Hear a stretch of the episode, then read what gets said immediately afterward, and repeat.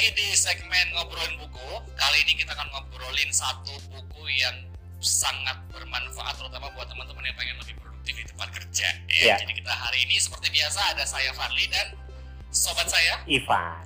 Kita berdua sebagai binang di belah dua. Kalau binang di belah dua ada orang ketiga yang lagi pegang kamera sekarang. Tapi tidak masuk ya.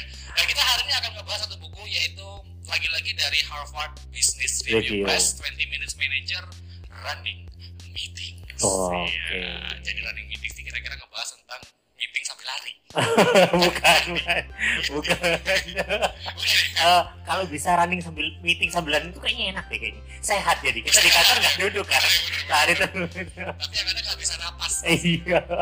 Oke, jadi kita akan ngebahas tentang running meetings. Ini satu buku yang eh, waktu aku sama Mas Ivan baca kita dapat banyak insight Iya. banget ya. Ah, Karena praktik, praktikal banget. Jadi banyak tips-tips langsung gitu yang biasa benar benar benar. Karena kalau aku pribadi nih ya, kalau Hmm, pribadi nih, hmm, kadang hmm. ngerasa kalau misalkan kita meeting Hmm, itu somehow wasting time.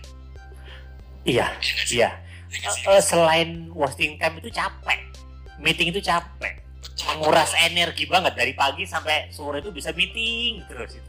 Udah capek wasting time lagi. Iya, double kuadrat lah. Double kuadrat. Ya, nah di buku ini dibahas tentang bagaimana caranya agar meeting kita itu bisa lebih uh, efektif dan Iya, efisien. benar. Nah, ini menarik banget nih. Jadi uh, mungkin kita seperti biasa insight dulu ya. Iya, Oke, iya. dari sobat saya, saudara Ivan Dara, apa yang dapatkan?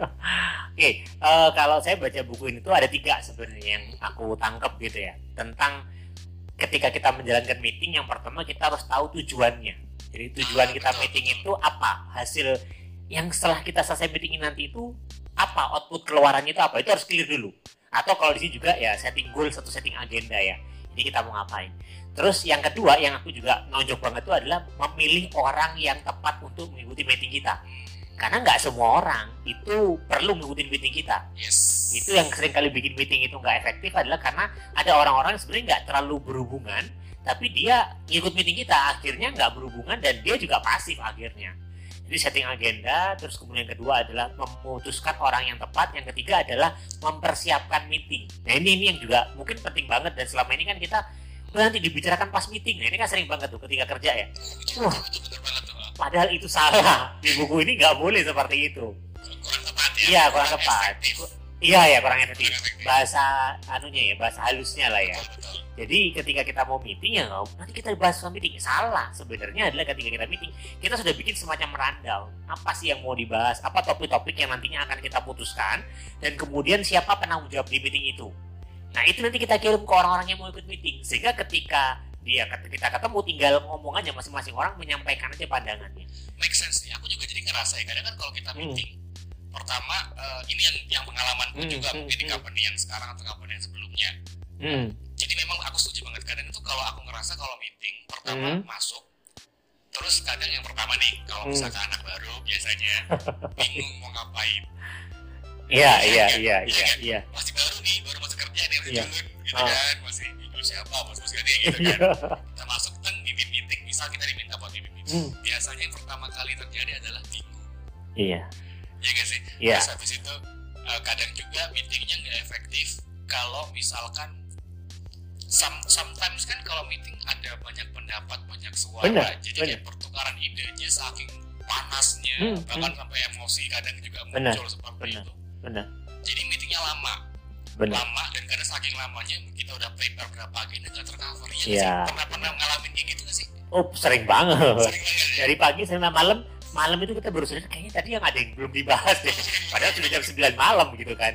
Besoknya harus sudah diputuskan. Nah ini sering kali terjadi. Makanya kalau di buku ini juga gitu ya.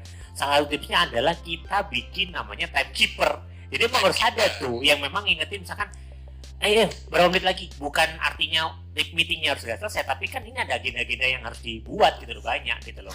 Yang kalau kemudian kita cuman fokus ke satu agenda doang yang agenda lain nggak kebahas. Jadi harus ada ingetin sebenarnya di meeting itu. Apalagi kadang nih ya ini pengalamanku sekarang nih. Kadang kalau misalkan kita mau meeting sama bos sama atasan atas tuh sibuk. Kan nah. Itu juga loh. Aku pernah punya pengalaman dan ini pengalaman menurutku cukup stressful. Karena aku kan nggak terlalu biasa eh, sometimes ah, arrange meeting tapi buat yang selevel lah gitu. Ini Wan pernah nge-arrange meeting yang diundang levelnya senior manager semua Waduh, itu berat itu bro.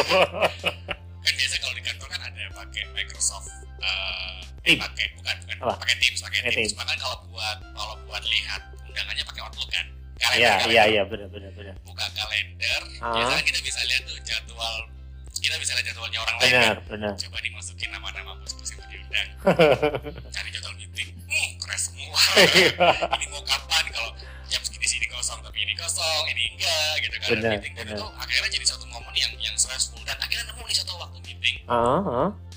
di waktu eh, ada tuh sekitar tapi cuma 30 menit Woi, kan- productive kan meeting. jadi challenge banget ya maksudnya kita mau ngebahas suatu topik Ah, ah. tapi kadang nih challenge di lapangannya adalah waktunya itu cuma terbatas gitu iya nggak sih Iya, pernah iya. ngalamin nggak sih ah, emang. Tapi sebenarnya kalau kita masih ngacu ke buku ini tuh memang harus dibatasi. Nggak bisa meeting kita bilang yaudah ra- ya kira-kira dua jam. Nggak boleh kira-kira, tapi kita benar-benar harus mengacu pada apa agendanya dan masing-masing agenda itu berapa menit alokasi waktunya.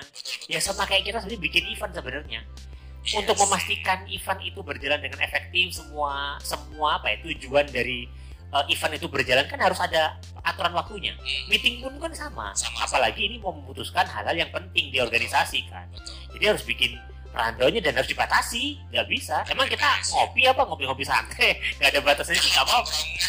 Iya. nggak perlu dijadwal Iya. Nah, buku ini menarik ya karena aku juga mendapat beberapa insight sebenarnya jadi Hmm. kalau aku perhatikan ada fase preparation yang ternyata fase preparation itu cukup apa ya mungkin tidak sesederhana yang selama ini kita lakukan gitu kan Oh. karena kan mungkin kalau orang-orang baru nih atau mungkin anak-anak yang baru masuk kerja Hmm, bingung mau set mau assign meeting seperti apa Benar, benar, benar paling banget. paling mikirnya kalau meeting meeting zaman kuliah dulu loh Meeting organisasi Meeting kampus. organisasi? Kan Iya. organisasi ini jadi teman-teman eh, saya sama Tiffany ini udah mulai temenan sejak 2009. 2009 di kampus 2009 yang ya. sama Di ya. kampus yang sama.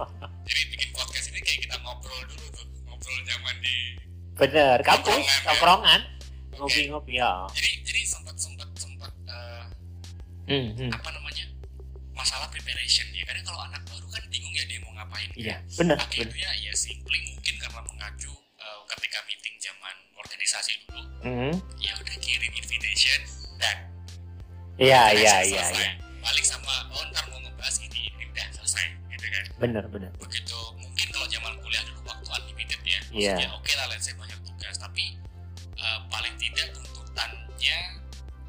nggak seberat ketika kita kerja Benar, benar. nah ternyata di buku yang diajarkan bahwa ketika kita mau nge-set meeting itu banyak hal yang harus diperhatikan Iya. mungkin tadi juga Mas Ivan udah mention beberapa hal ya jadi yang aku tangkap sih ya terkait persiapan meeting yang pertama adalah eh, tadi ya kita harus cari jadwal dulu Benar. terus kita juga harus bisa estimasi waktu juga sebenarnya kan Hmm, hmm, benar, benar.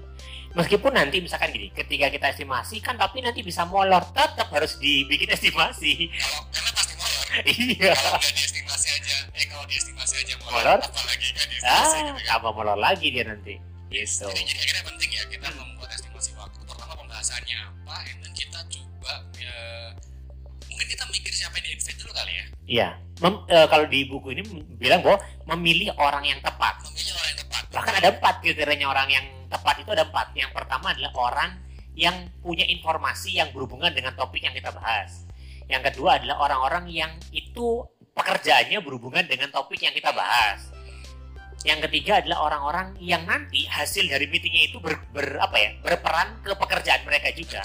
Terus yang keempat atau terakhir adalah ya orang-orang yang punya kepentingan baik itu leader ataupun staff yang punya kepentingan. Selain itu yang nggak usah diundang, usah kita ngundang semua orang. jadi Iya, benar. kali ini orang meeting Nah, podcast live iya. Tapi banyak terjadi.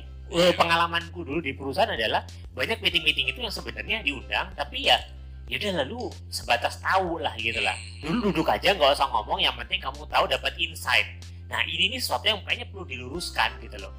Apa efeknya dia? Kalau cuma efeknya cuma sekedar tahu, ya dia baca baca apa namanya baca setelah meeting setelah meetingnya aja kan sudah cukup sebenarnya. betul betul Kalau bilang- Notulensi ya Iya notulensinya. Makanya yang penting dia tahu tuh sekedar tahu yang seperti apa. Apakah karena dia nanti harus menjalankan eksekusi atau monitor atau seperti apa. Jadi perlu kita selektif lah ya milih orang dalam itu. mungkin barangkali kalau misalkan sebagai atasan mau ngajak bawahannya timnya buat Hmm. dia belajar cara nge-manage meeting ngelihat meeting mungkin bisa kali ya bisa bisa jadi bisa itu jatuhnya proses pengembangan eh, Iya. tuh mentoring ya iya benar benar itu mungkin mungkin masih make sense ya tapi Masih. kalau misalkan akhirnya akan wasting time buat si orang kita undang ini. Benar kan mereka benar. juga ada kerjaan dong. Benar dan ketika mereka datang ke meeting kita kan berarti kita lagi ngambil waktunya mereka kan. Benar benar ya, ya. Eh, kecuali misalkan dia itu nanti diminta masukan misalkan. Dia sih nggak ada hubungan cuma nanti kita butuh dia tim ahli nih.